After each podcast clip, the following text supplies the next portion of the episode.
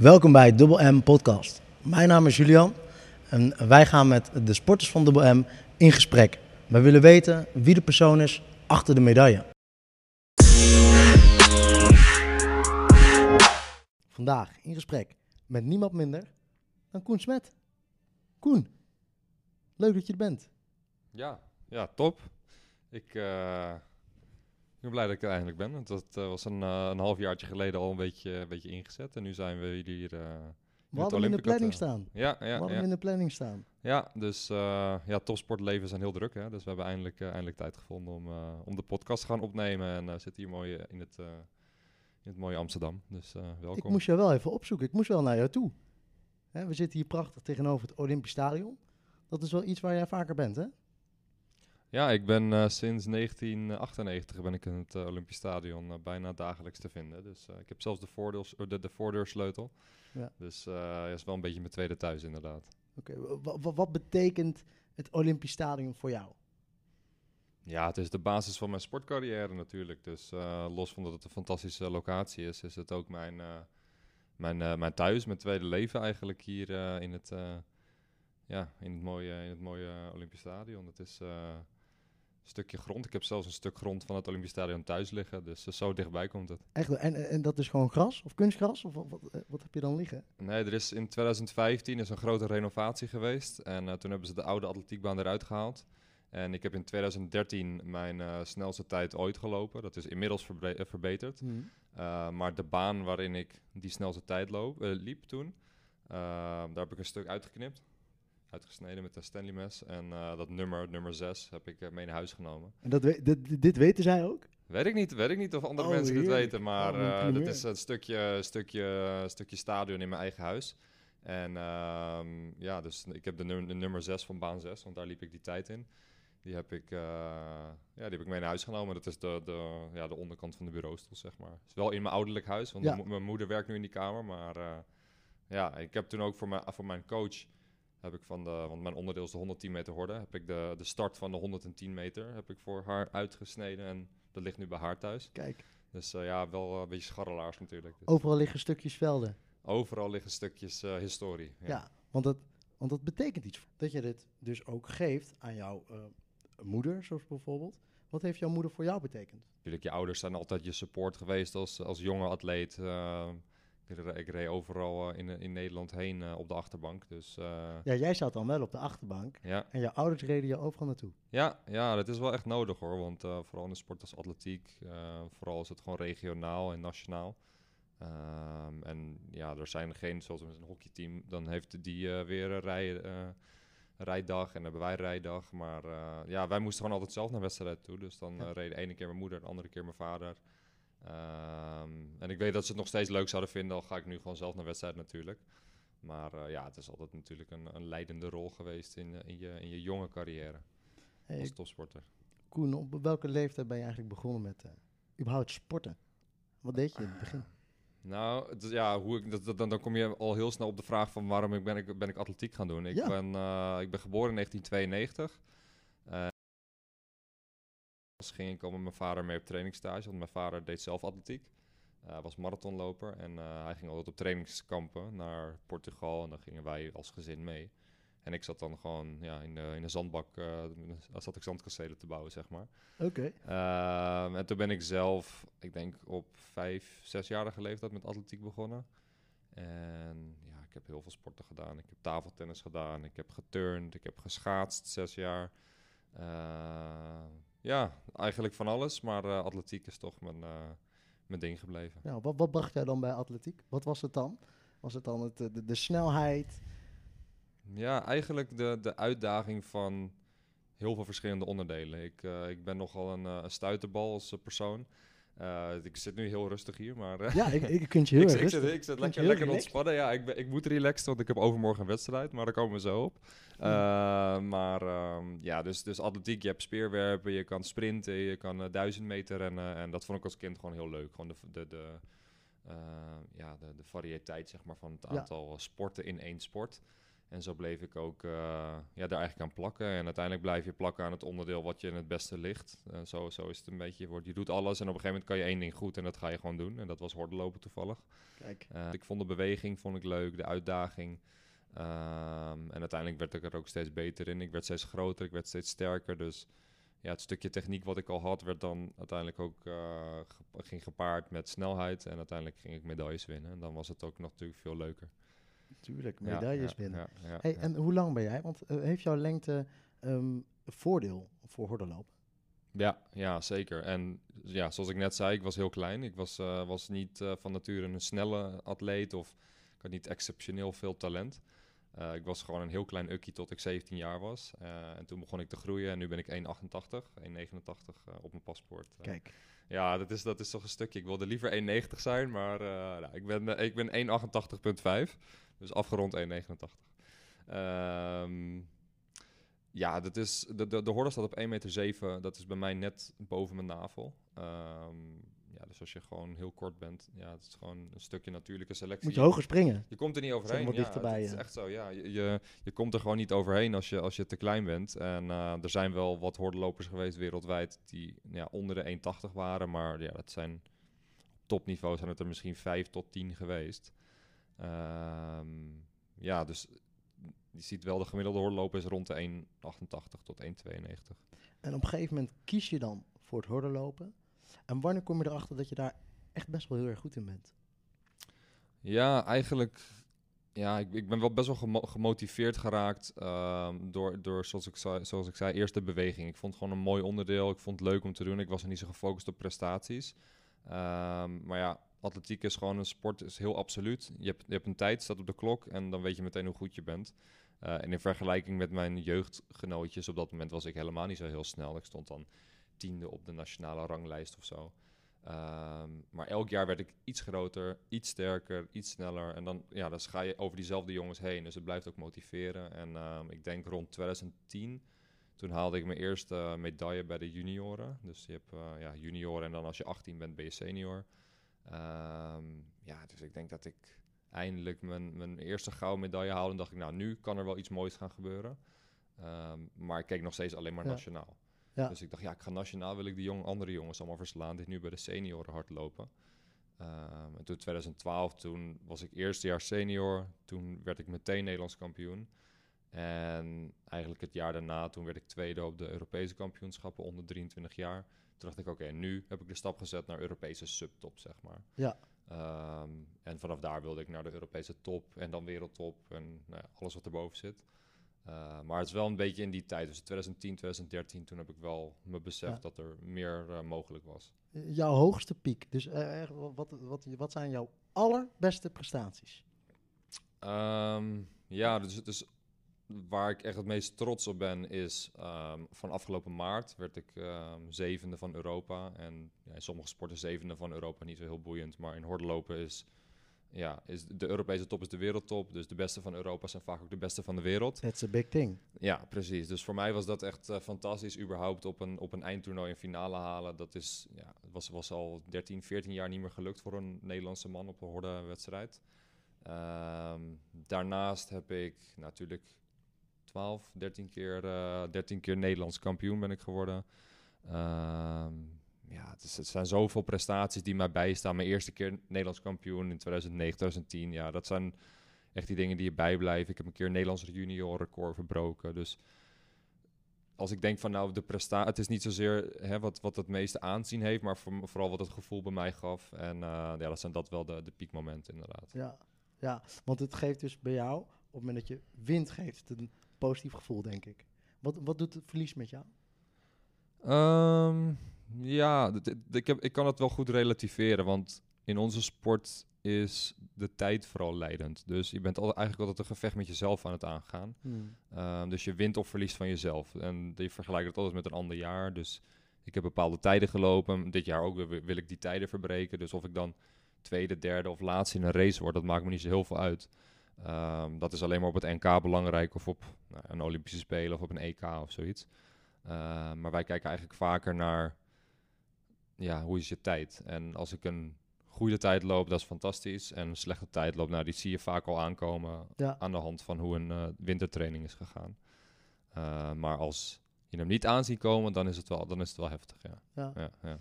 Een vraag die ik altijd stel, Koen, dat is een topsport leven. Dat is ook een balans tussen topsport, topprestatie en privé. Lukt dat jou een beetje? Ja, ja, eigenlijk wel. Ik, ehm, ik was vroeger wel heel erg in zo'n koker. Ehm, bewust ook. En eigenlijk ook een stukje onbewust. Want ja, topsport was mijn leven. En eh, dus nu nog steeds. Maar topsport was echt mijn leven. En dat was het enige wat ik deed. En eh, ik zat alleen maar thuis. En oh, moet weer trainen, moet weer trainen, moet weer trainen. Maar op een gegeven moment kom je er gewoon achter dat er veel meer is in het leven. En gewoon lekker, eh, weet je, ik heb nu mijn vrouwtje thuis. Ja. En ja, ik heb twee katten die ik fantastisch vind, eigen huisje. Eh, ik vind het ook lekker om gewoon op vakantie te gaan. Ik hou ervan om leuke dingen te doen. Ehm, even naar het strand heen en weer of zo. Af en toe een wijntje. Ja. Ehm, gewoon van het leven genieten. En Dat komt je als topsporter ook weer ten goede. Uh, zo sta je veel relaxter in trainingen. Althans, als ik het op mezelf betrek. Ik sta veel relaxter in trainingen. Uh, kan niet zo lang, ik blijf niet zo lang hangen in... ehm, ja, bijvoorbeeld als een training slecht ging of als ik een blessure heb, dan, dan valt het me niet meer zo zwaar. Dus Ja. ik heb gewoon, nou ja, weet je, ik heb toch een fantastisch leven. Dus topsport is alleen maar extra erbij. Maar, maar je zegt, het, het, valt me niet zo zwaar. Eh, viel het wel zwaar? Eh, heb je een periode gehad dat het wel wat zwaarder was?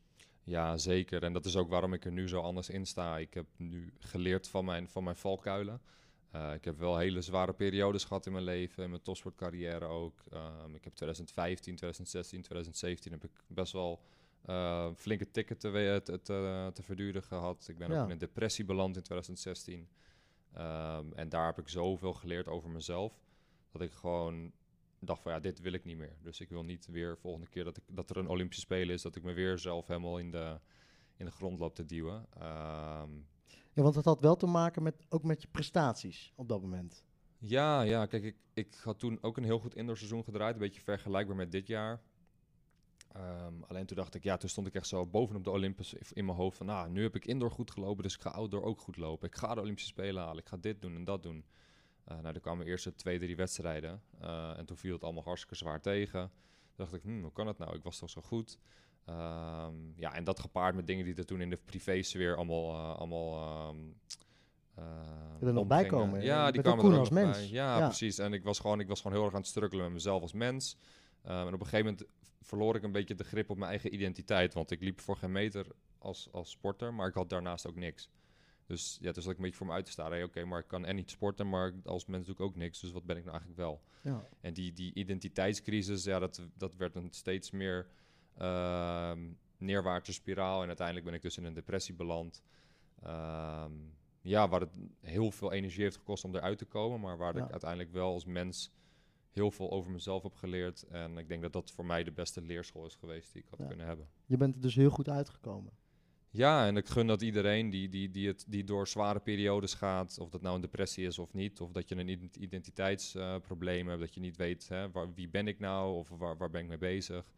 Ehm, ja, zorg ervoor dat je goed geholpen kan worden en uiteindelijk kom je er hopelijk beter uit. En, ehm, en leer je gewoon heel veel van jezelf en hoe jij, ja, je, je, je leert van je eigen valkuilen. En dat, dat is wel waar ik heel aan heb. Ik, ik zie gewoon iets van mijlenver aankomen, waar het Ja. me vroeger overkwam. Ja, Ja. ja. ja, dus de, de- de key elements om eruit te komen, dat is ook echt vooral dus leren van eh, wat ging er fout en wat kun je eh, eh, beter doen, maar ook gewoon het accepteren van een bepaalde situatie op dat moment. Ja, ja zeker. Ja, ik, ja ik, ik ging me er niet achter verschuilen. En natuurlijk heb ik een hele lange tijd schaamde ik me daarvoor. Van, nou, hè, moet ik dat nou aan mensen vertellen? Het gaat slecht. En Ja. eh, als topsporter eh, ben je toch al snel geneigd om jezelf hè, als, Ja. als perfect beeldje, als een soort Adonis te, te, te, te, te, weergeven aan de rest van de wereld. En iedereen bekijkt je ook zo. Ehm, vooral met social media, weet je, iedereen heeft maar het beste beeld van zichzelf. Je zal nooit een lelijke foto van jezelf posten, bijvoorbeeld. Ehm, Dus dat, dat, dat was heel lastig. Het was echt, echt een, een, een, een, een, moeilijk proces om daarvoor uit te komen. Dat ik gewoon dacht van nee, hè, het ging gewoon heel slecht. En ik ga dit verhaal nu gewoon naar buiten brengen. En eigenlijk heb ik er sindsdien alleen maar heel veel positieve reacties op gehad. Ehm, juist daardoor is mijn ontwikkeling nog sneller gegaan. Eh kwam ik weer met mensen in aanraking die daar ook mee te maken hadden gehad. Of mensen die daar weer van wilden leren. Eh, en heel veel kansen eigenlijk gekregen in mijn leven, juist daardoor. Ehm, waarvan ik in het begin echt dacht dat het juist het, tegenovergestelde effect zou hebben. Ja, ah, dat eh, vertel je heel mooi.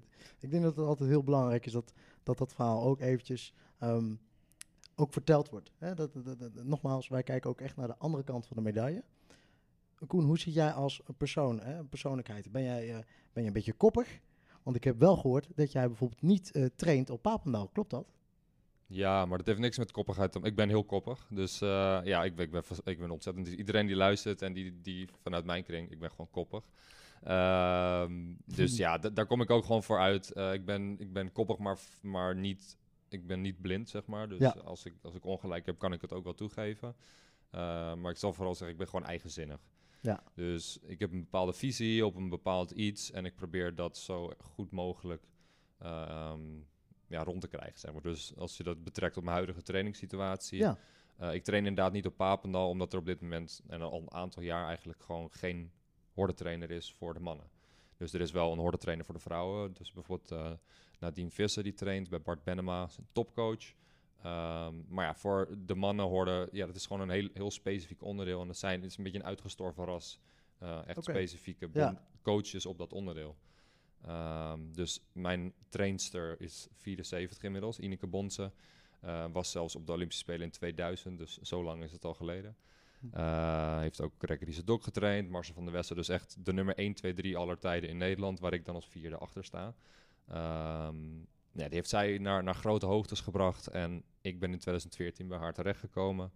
Ehm en ja, via, via aansluiting met andere, andere coaches. Omdat ze, ja, ze is 74, dus ze doet maar één training in de week. Eh, maar er zijn nog zes dagen te vervullen. Ja. En dan moest ik voor mezelf denken, en daar komt dan het eigenzinnig van, nou, hoe ga ik dat het beste invullen? Met wie kan ik dat combineren? Ehm, dus zo ben ik eh, hier bij, in Amsterdam met twee coaches geweest. Nou, dat was het uiteindelijk net niet. Eh, toen ben ik twee jaar naar, of anderhalf jaar naar de UK gegaan, naar de Verenigd Koninkrijk, om bij Colin Jackson te trainen. Wat op dat moment de wereldrecordhouder Dat is was. op wel een hele bekende naam. eh. Ja, dus dat was echt fantastisch. En Colin die doet nog steeds onze trainingen. Alleen hij woont in Cardiff, in Wales. Dus ja, het werkt niet echt als een coach daar woont. En je hebt zo'n specifiek onderdeel en dan train je hier. Dus Ineke die helpt ons, die houdt haar eh hoorde ogen erbij. En ehm, ja, en in Amsterdam hebben wij onze ideale situatie gecreëerd. Ik ben, eh, ben gewoon verliefd op mijn stad. Dus ja. Ik blijf lekker hier in het stadion. Ja, het is een eh, fantastisch stadion. Het is een prachtige stad. En als je hier kunt sporten en als privé hier kunt wonen, ja, dat lijkt me dat super. Een mooi ingrediënt om topprestaties te leveren. Ja, en ik denk dat ik, dat ik verschillende omwegen nodig had om daarachter te komen. Dat uiteindelijk toch, eh, ehm, ja, dan had je gewoon eh, de beste situatie al hier in Amsterdam. Maar ja, je moet dan toch eventjes een, ja, even weer een andere kijk hebben om dat te- dan te, te realiseren. Ik ben overal eh, binnen het 15 minuutjes met mijn scootertje of in mijn auto. En eh, lekker milieubewust hier in Amsterdam, ik weet het. Maar ehm, ja, ik vind het fantastisch. En eh, weet je, het, stadion is mijn, mijn, mijn thuis. De mensen ken ik allemaal. Eh, met de mensen draag je een goed, goed hart toe en zo. Dus ja, ik kom daar gewoon graag en dan train ik ook gewoon lekker. Ja, hoe, hoe vaak train je in de week? Eh, zes keer. Ik ben al een, een iets oudere atleet. Ik ben 28 en eh hordenlopen is vrij, eh, vrij funest voor je lichaam. Dus ik moet eh, vaker rust inbouwen dan training. Ehm, omdat ja, ik kan niet meer 14 keer per week trainen, helaas. Ik zou het wel willen, want ik heb de mindset er wel voor. Maar eh, dan hou ik dat één week vol en dan ben ik geblesseerd. Dus eh, ik train nu zes dagen in de week en dan zijn dat zes keer uh, 2,5 uur, drie uur sessies. Ja, en is dat ook meerdere keren per dag? Of is dat gewoon één keer per dag en de rest van de dag dan eet je goed? Ja, ja ik, uh, ik train nu gewoon één keer per dag. Ik Ja. ben nu net op trainingsstage geweest en dan kan je het wel permitteren. heb je ook wat meer tijd in de dag. Dus dan ga je lekker ochtends en smiddags ga je nog even wat uh, stretchen of zo op de baan. Um, dus ja, de, de, de echte volle set, zes keer in de week uh, training. Um, en dan heb ik natuurlijk thuis mijn stretches nog. Ik ga nog naar de fysio, naar de masseur. Ik heb mijn reistijd. Dus uiteindelijk het hele pakket is misschien twee keer de trainingstijd. Um, maar ja, het is uiteindelijk wel een fulltime job die je nog probeert te combineren met van alles. Ja, ja. maar je doet het allemaal niet voor niets. Heb jij nog doelen? Heb je, wil je nog iets, be iets bereiken waarvan je denkt, nou, als ik dat heb bereikt, dan, uh, dan sta ik in de boeken? Nee, ik heb ook hoeveel niks meer te bereiken. Nee, ik, uh, kijk, tuurlijk, ik heb, ik heb uh, altijd ambities. Als je je ambities kwijt bent als sporter, dan, ja, dan kan je beter stoppen. Um, ik had na mijn depressie, had ik als eerste ambitie, was ik wil gewoon plezier hebben in mijn sport. Ja, dat, is, dat is het allerbelangrijkste. Is dat gelukt? Ja, ja, ja, want anders had ik het nooit meer, niet nog vier jaar volgehouden. Um, als kind ga je op een, op een sport helemaal niet om een medaille te halen, maar gewoon dat je het gewoon een fantastisch leuke sport vindt. Dus ik moest letterlijk terug naar mijn kindvisie. Um, Oké, waarom doe ik deze sport ook weer? Waarom doe ik dit onderdeel? En daarna ging ik weer kijken naar de prestaties. Nou ja, dat, dat proces probeer ik altijd in mijn achterhoofd te houden, maar dat pleziergedeelte, hè, dat blijf ik altijd uh, hebben. Alleen als, je, als het gewoon goed gaat, ben je gewoon een topsporter, wil je prestaties leveren. Um, ja, dus nu ben ik in een, in een mooie Um, in een mooie flow, zeg maar, na het indoorseizoen uh, naar het outdoorseizoen toe. Um, ik wil graag mijn beste prestatie ooit verbreken. Dus dat was in 2018. Uh, toen kwam corona. Heb ik eigenlijk uh, anderhalf jaar geen snelle wedstrijd gekregen of kunnen lopen. veel blessureleed gehad afgelopen twee jaar weer. Dus ik wil dit jaar gewoon richting mijn beste tijd ooit lopen. Dus dat is heel absoluut. Ik kan, verder kan ik ook niks doen. Um, weet je, ik kan zeggen ik wil naar de Olympische Spelen, ik wil dit of dat, maar het enige wat ik kan aanpassen is mijn trainingen. En als ik gewoon een goede training draai, als ik me Ja. snel voel, dan komt er hopelijk een snelle tijd uit. En als die tijd genoeg is voor Tokio of niet, dan zien we dat wel weer. Maar eh, Wat een mooie filosofie. Ja, ik weet niet. eh, Volgens mij heb ik dat van Cruijff of zo. Weet je, het enige wat je kan aanpassen is, is, is het, hetgene waar je invloed op hebt. En eh, waar ik op dit moment invloed op heb, is, eh, is mijn training. En, en hoe ik mij, mij voorbereid voor mijn wedstrijden en hoe ik mij ehm, hoe ik mijn mindset daar, daartoe zet. Dus ja, als ik zeg ik ga naar Tokio of ik wil naar Tokio, ja, dan leg ik mezelf weer een druk op. Want je, ja, hoe, hoe dan? Weet Ja. je wel? Die vraag krijg ik meteen, oh, hoe ga je dat doen? Ja, eh, weet ik niet, want ik moet gewoon hard lopen. Nou, hoe ga je hard lopen? Hard trainen Hard trainen. en de goede wedstrijden uitzoeken. En ehm, ja, dat is eigenlijk de mindset die ik, die ik in de afgelopen vijf jaar een beetje heb, heb omgedraaid. Want vijf jaar geleden was gewoon, ah, ik moet mijn plaats voor Ja. Tokio, want anders faal ik als atleet. Nou ja, natuurlijk een hele slechte mindset, want dan kan het bijna alleen maar fout gaan. En nu heb ik zoiets van, nou, als ik het niet haal, ben ik niet minder mens of zo. Nee, nee, zeker niet. Zeker maak je dat geen minder mens. Wel ben je gestart met topsport. En eh, ja, dat wil je natuurlijk op een of andere manier toch wel een beetje bezegelen. Eh, want als er allemaal geen medailles op de, op de plank komen, ja, eh, zou je het dan nog doen? Ehm, nou, dus wordt de vraag wel eens gesteld van, nou, zou je liever eh, je beste tijd ooit verbreken of je plaats voor de Olympische Spelen? Nou, dat, zijn, dat zijn wel van die dilemma's waar ik vaak, waar ik graag over nadenk. Ja. Eh, of eh, je, je, je loopt nooit meer onder de 1350, maar je hebt wel eh Olympische finale. Nou, dan kies ik altijd voor de Olympische finale, weet je wel. Kijk, ja. Ehm, dus tuurlijk, ik heb, ik heb al sinds dat ik, ehm, nou, ik denk sinds 2002 of zo, heb ik bovenop mijn bed, boven mijn bed heb ik, ik wil later naar de Olympische Spelen. Dus het zou wel mooi zijn als ik daar gewoon een vinkje achter kan zetten, weet je wel. Maar doe ik mijn hele sportcarrière voor dat ene vinkje? Nou, Nee. het, het zou leuk zijn. Weet je, ik, ik noem mezelf graag Olympisch atleet eh, als ik het heb gehaald. Maar ehm, mijn sportcarrière is er niet meer of minder om. Hey, en je benoemde hem net al een beetje, Johan Cruijff. Eh, betekent die voor jou iets? Ja, is, de- is de, de Amsterdammer eh, puur zang natuurlijk. Gekke vraag eigenlijk, hè? Ja, nou ja, ik, ik weet niet. Kijk, persoonlijk niks. Ik heb hem nooit ontmoet. Ehm, ik vind het, ik vind het ehm, mooi met zijn wijsheden en zo. En ik kijk graag naar dat, soort- dat soort interviews. En dan denk ik van ja, het is wel een, een, een, een, eh, een, eh, een karakter. Ja. Eh, fantastische coach, heel veel dingen neergezet. En, ehm, en natuurlijk een ras Amsterdammer. Dus dat is altijd kruist in je achterhoofd. Hij was ook eh, een van de wijkgenootjes van mijn vader. Heet ook Johan. Dus, hè, dus het was allemaal... het komt allemaal dichtbij als je in Amsterdam woont. Maar het, is niet mijn, ja, het is niet mijn idool of zo. Maar eh, je hebt ook voor gekozen om hier een studie te gaan doen. Ja. Naast je topsportcarrière. Ja, klopt. Dus zoals ik al eerder zei, weet je, het, het, de, het topsport is niet alleen maar topsportbedrijven. Je privé is gewoon heel belangrijk. En wat doe je naast je sport en na je sport vooral? Eh, want het is maar een tijdelijk bestaan. Als ik geluk heb, kan ik nog door tot 32. Maar ja, dan zit je hopelijk pas op een derde van je leven. Ja. Ja, als je een fantastisch leven hebt. Ehm, Ja, nog vier jaar eh, knallen, Koen. Nog vier jaar knallen hopelijk. Ja, weet je, het, het, kan ook volgend jaar over zijn, maar het, het zal niet nog twintig jaar gaan duren. En ehm, ja, dus, dus je moet gewoon iets ernaast doen. En als het maar voor tijd, ja, tijdsinvulling, want je hebt als topsporter gewoon heel veel tijd over in de week. Ze zeggen vaak van niet, maar je heb je wel. Ehm, als je jezelf er maar toe zet. Dus ik geef gewoon veel trainingen, personal trainingen. En, ehm, en aansluitend daaraan ben ik de master in coaching gaan volgen aan, eh, aan het Johan Cruijff Institute. Ehm, ja, ik heb de scholarship gekregen vanuit Telesport. Uh, mede door het verhaal wat ik hier net ook vertelde over mijn depressie. Hoe ik in het leven sta en hoe ik dan ook vanuit die visie andere mensen graag help. Ehm, heb ik vanuit de Telesport dus die, die scholarship gekregen. Ik doe nu de master in coaching omdat ik hopelijk nog een betere coach kan worden voor de mensen om mij heen, of mijn klanten, of later in, het, uh, in een later stadium in mijn leven nog uh, meer daarmee te kunnen doen. Ja, ja nou, het, het, het, klinkt echt dat jij verder denkt dan alleen het topsportleven. Jij wilt ook, wat doe ik erna? En wat ga ik, wat ga ik ernaast doen? topsport, als je zelf aangeeft, dat duurt nog vier jaar. En hopelijk nog iets langer. Ja, wat, wat zou je daarna gaan doen? Ja, dus het, het, is, het, geeft me ook rust om daar geen vragen over te hebben. Dus um, een, een, buffer te creëren, al is het financieel, al is het met een uitzicht dat je heel veel kanten op kan, of is het een netwerk opbouwen met de mensen die je kent om je heen. Um, zodat je als topsporter nooit met de vraag zit van, hoe, als ik nou een zware blessure krijg, is dan in één keer mijn carrière over en wat ga ik dan doen? Uh, ik wil niet op dat moment met die vragen zitten, dus ik heb al die vragen heb ik al opzij geschoven. Dat er gewoon, dat alles zeg maar op standby staat. En zodra ik stop, dan kan ik gewoon vol gas. Ehm, wat dat precies gaat worden, dat weet ik niet. Dat heeft ook een beetje te maken met de kansen die natuurlijk op je pad komen. Natuurlijk. Ehm, maar, op je, de, ja. ja. je gaf al aan dat er een schaarste is in, het, uh, in de hordenloopcoaches. Dus ja, misschien ligt daar ook een kans. Ja, ik vind het fantastisch. Uh, ik vind mijn eigen uh, onderdeel ook heel mooi, maar um, ik zou graag iets meer op een, op een groter platform doen.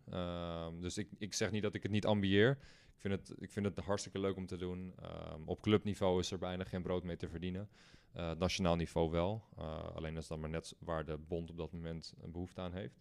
Hebben zij behoefte aan een, een fulltime mannen-hordercoach.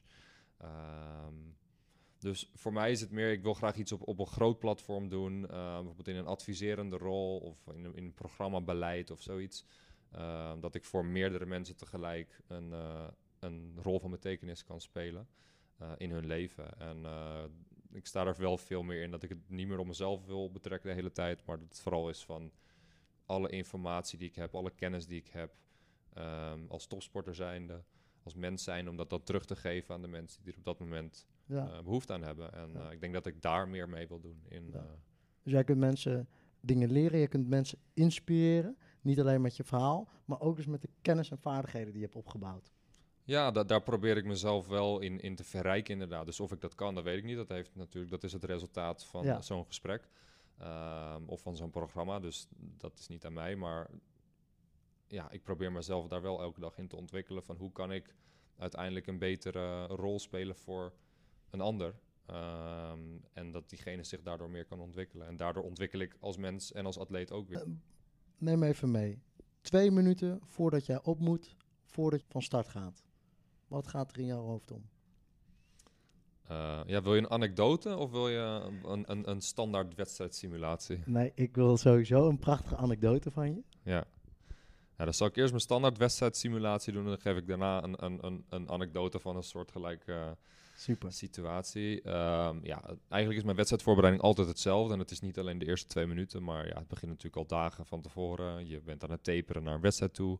Uh, dus energie besparen. Um, vervolgens ga je naar een wedstrijd. Je bent al zenuwachtig. Hartslag zit al op gemiddeld 20 punten hoger dan normaal. Um, ja, dan doe ik mijn warming-up. Dan ga je naar een callroom. En een callroom is in de atletiek. Uh, daar wordt je, al je gear, dus al je, je, je shirtje wordt gecheckt of er geen sponsoren extra op staan. Um, je startnummer wordt gecheckt, je schoenen worden gecheckt. Het is meestal een half uur voor de race. Um, nou, dan tien minuten voor de race word je uit de callroom gehaald. Sta je al ja, naakt, zeg maar. Hè? Als uh, in je hele wedstrijdoutfit. Normaal vind ik het lekker om nog wat aan te houden. Dat je het gevoel hebt dat er nog iets uit kan. Uh, dus nou, dan, dan loop je op. Uh, vervolgens staan er uh, wat kids achter jouw blok met zo'n mandje. Mag je nog je, je, ja. ja je, je drinken of zo ingooien. Ja. Hoe cool ben je dan? Want Usain Bolt die kan nog gewoon, gewoon een box geven. Toevallig had ik het daar gisteren met iemand om, ja, met, met iemand over die. Uh, ik word ook nerveus nu ik het erover heb, want ik zit helemaal in die, in die visualisatie nu. Dus, Snap uh, ik. Um, dat je dus die camera, die krijg je vol in je pan. En dan is het even zo naar huis zwaaien. Nou, ik sta echt met, als een boer met kiesband te zwaaien naar huis. Of, uh, of zo een piece te doen.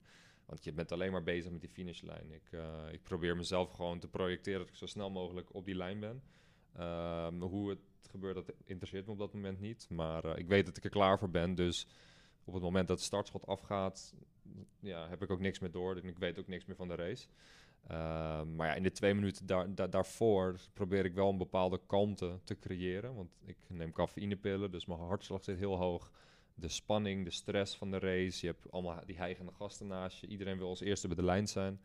Uh, dus ja, hoeveel krijg je dan mee van, van die andere gasten? Je voelt wel een beetje hoe zij zich uh, op dat moment uh, voelen. hijgen ze heel, heel hard? heb, je dan, heb je dan zoiets van, nou, die heeft er heel veel zin in? Of, ja, ik, ik, ik laat me niet meer inti intimideren door andere atleten. Ja. ik ben nu sinds 2012 in het internationale circuit, dus ik ken een beetje iedereen zijn bluff. Iedereen zijn bluff, ik ken iedereen zijn trucjes. bijvoorbeeld de, de, de Cubanen, die doen altijd heel lang om in het startblok te gaan. Dus wij, wij, krijgen de cue on your marks. En dan van on your marks tot get set. Ja. De get set mag pas gegeven worden als iedereen stil zit in zijn blok. Nou, heel irritant lijkt me dat. Heel irritant, maar ja, ik, ik kwam in 2013 als eerste uh, Nederlander uh, bij de Diamond League in, in Londen. En ik wist niet van die Cubaan. En toen zei hij on your marks. En ik was zo zenuwachtig, ik ging meteen zitten. Vervolgens heb ik 30 seconden met mijn handen op dat tartand gezeten. Het begint helemaal pijn te doen, totdat hij eindelijk stil zat. Nou, sindsdien als ik tegen hem loop, zit ik ja, zit ik gewoon um, ehm, 20 seconden als ik gewoon te wachten tot hij ook zijn blok ingaat. Denk ik van jij kan wachten, ik kan ook wachten. Uh, dus ben je dan bezig met je eigen race? Ja, in, in, in, in, in some way wel. Want uiteindelijk wil ik niet 20 seconden met een pijnlijke knie op mijn uh, startschot zitten wachten. Maar ja, voor de race zit ik nog in mijn, in mijn, uh, in mijn wijde koker, zeg ik dat dan. Uh, ik kan maar heel kort maximaal focussen, dat, nou, 8 tot 15 seconden.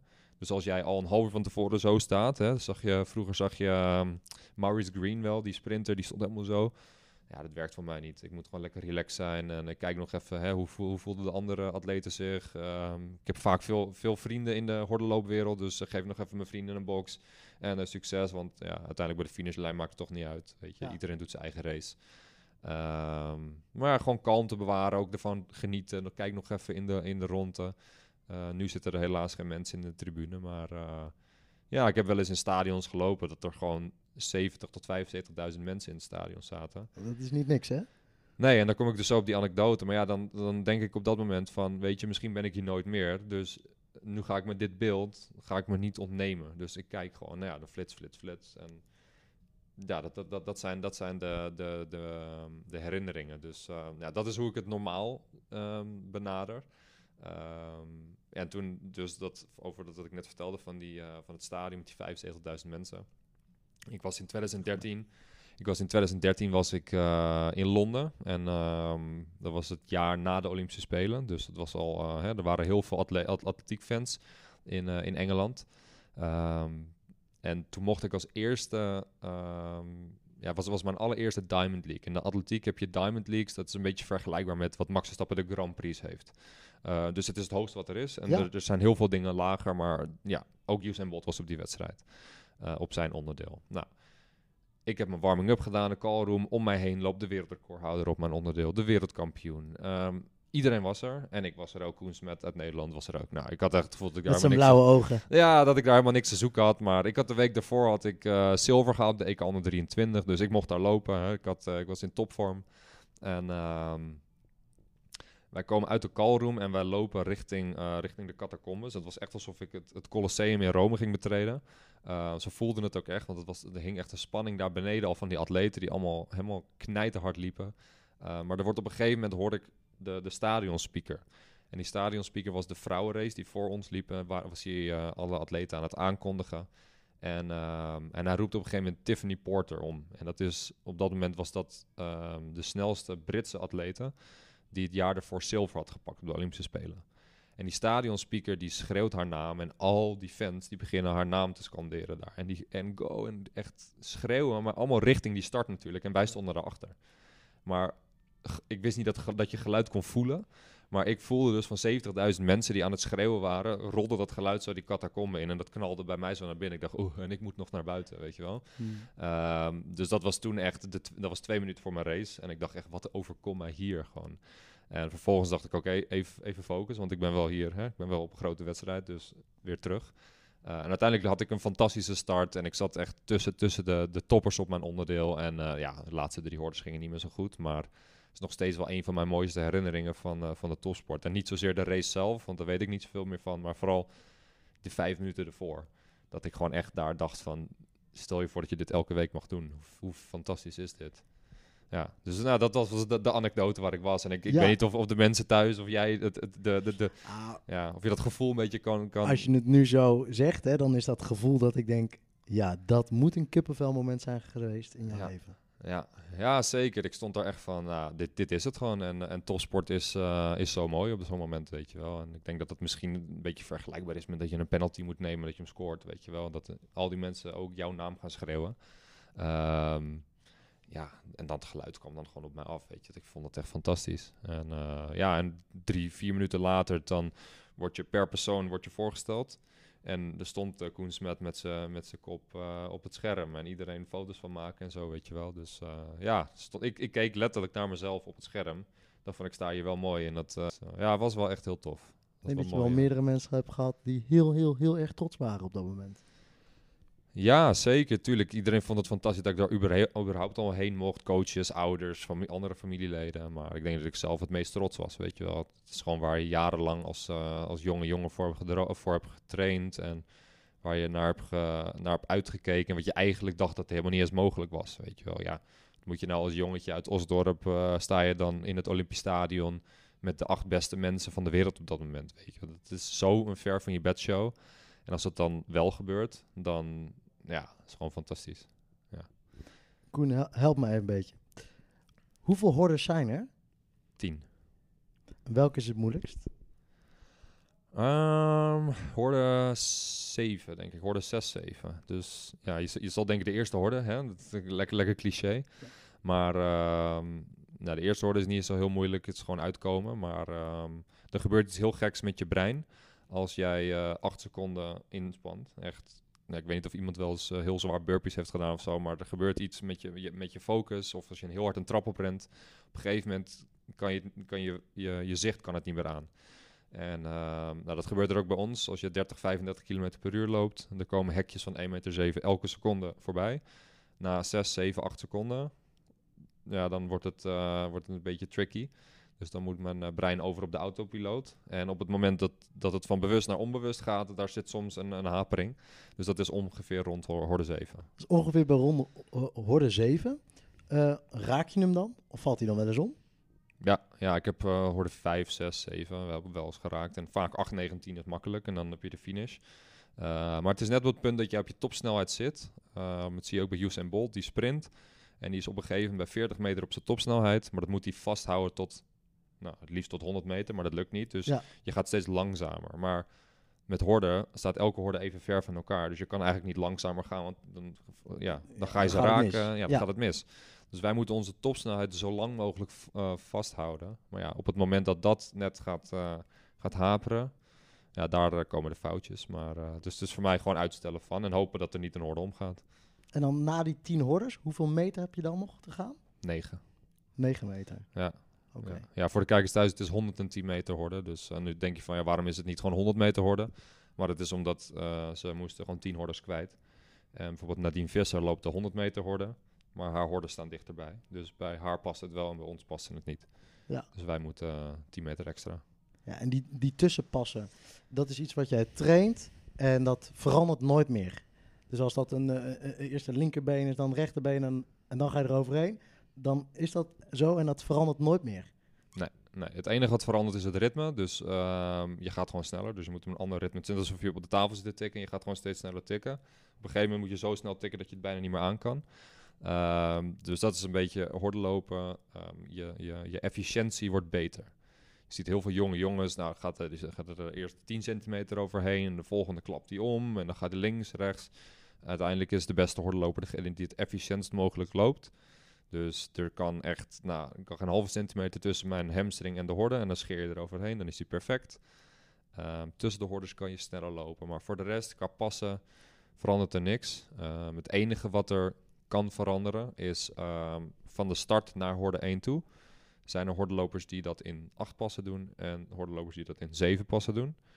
Uh, nou, is natuurlijk gangbaar voor de hand liggend dat de mensen die heel lang zijn, dus 1,90, 95 plus, die doen dat in 7 passen. Um, dat ze anders niet uitkomen. En de mensen die heel explosief zijn en klein, die doen 8. Nou, ik ben 1,88 en ik ben heel explosief. Dus soms kom ik in de knoei met mijn 8. Dus ik ben soms overgestapt naar 7. Kom ik er toch weer achter dat 8 beter bij me past. Dus uh, ja, dat is het enige wat, uh, wat kan verschillen. Dus 7 of 8 naar hoorde 1. Voor de rest doet iedereen hetzelfde aantal passen tot aan de finishlijn. Ja, en we zitten nu um, half mei. Je gaf aan, je hebt nog een wedstrijd te gaan. Ja. Nog een paar wedstrijden te gaan. Ja, ik, ik begin aankomende, aan, over twee dagen begin ik. Dus um, ja, ik hoop binnen anderhalve maand, twee maanden te weten waar ik aan toe ben. dan dan heb ik al mijn wedstrijden gehad. En uh, nou, hopelijk niet. Maar dan, dan heb ik in ieder geval de meeste wedstrijden gehad. Uh, dan weet ik uh, wat voor tijd ik heb gelopen, in wat voor vorm ik ben, in wat voor, voor, wat voor staat mijn lichaam is. Maar ja, je moet altijd beginnen bij de eerste. En dat is overmorgen. Dus ja, ik ben benieuwd. Ja, nou, je ziet er fit uit en gefocust. Dus ik wil jou heel veel succes wensen. Ja, ja, ja hartstikke bedankt. Ja. Dat moet echt iets waanzinnigs worden. We gaan het allemaal volgen. Koen, mag ik je vanaf deze plek tegenover het Olympisch Stadion enorm bedanken voor deze podcast. Je mag trots zijn. En wij hebben gewoon heel veel zin in op jou te zien. En kom op, hè. We gaan toch wel echt wel voor Tokio. Dan zeg ik het maar. Ja, altijd. We gaan, we gaan ervoor. Alleen of het redt, weet je, dat, zie je dan wel weer aan het einde van de streep. Maar in ieder geval, ik ga mijn uiterste best doen om er, om er te staan. En uh, ja, ook bedankt voor dit, uh, voor dit interview. Weer veel geleerd. Ja, dankjewel. En uh, gaan we het nog een keer doen ooit? Sowieso, podcast 2. Lekker. Top. Thanks man.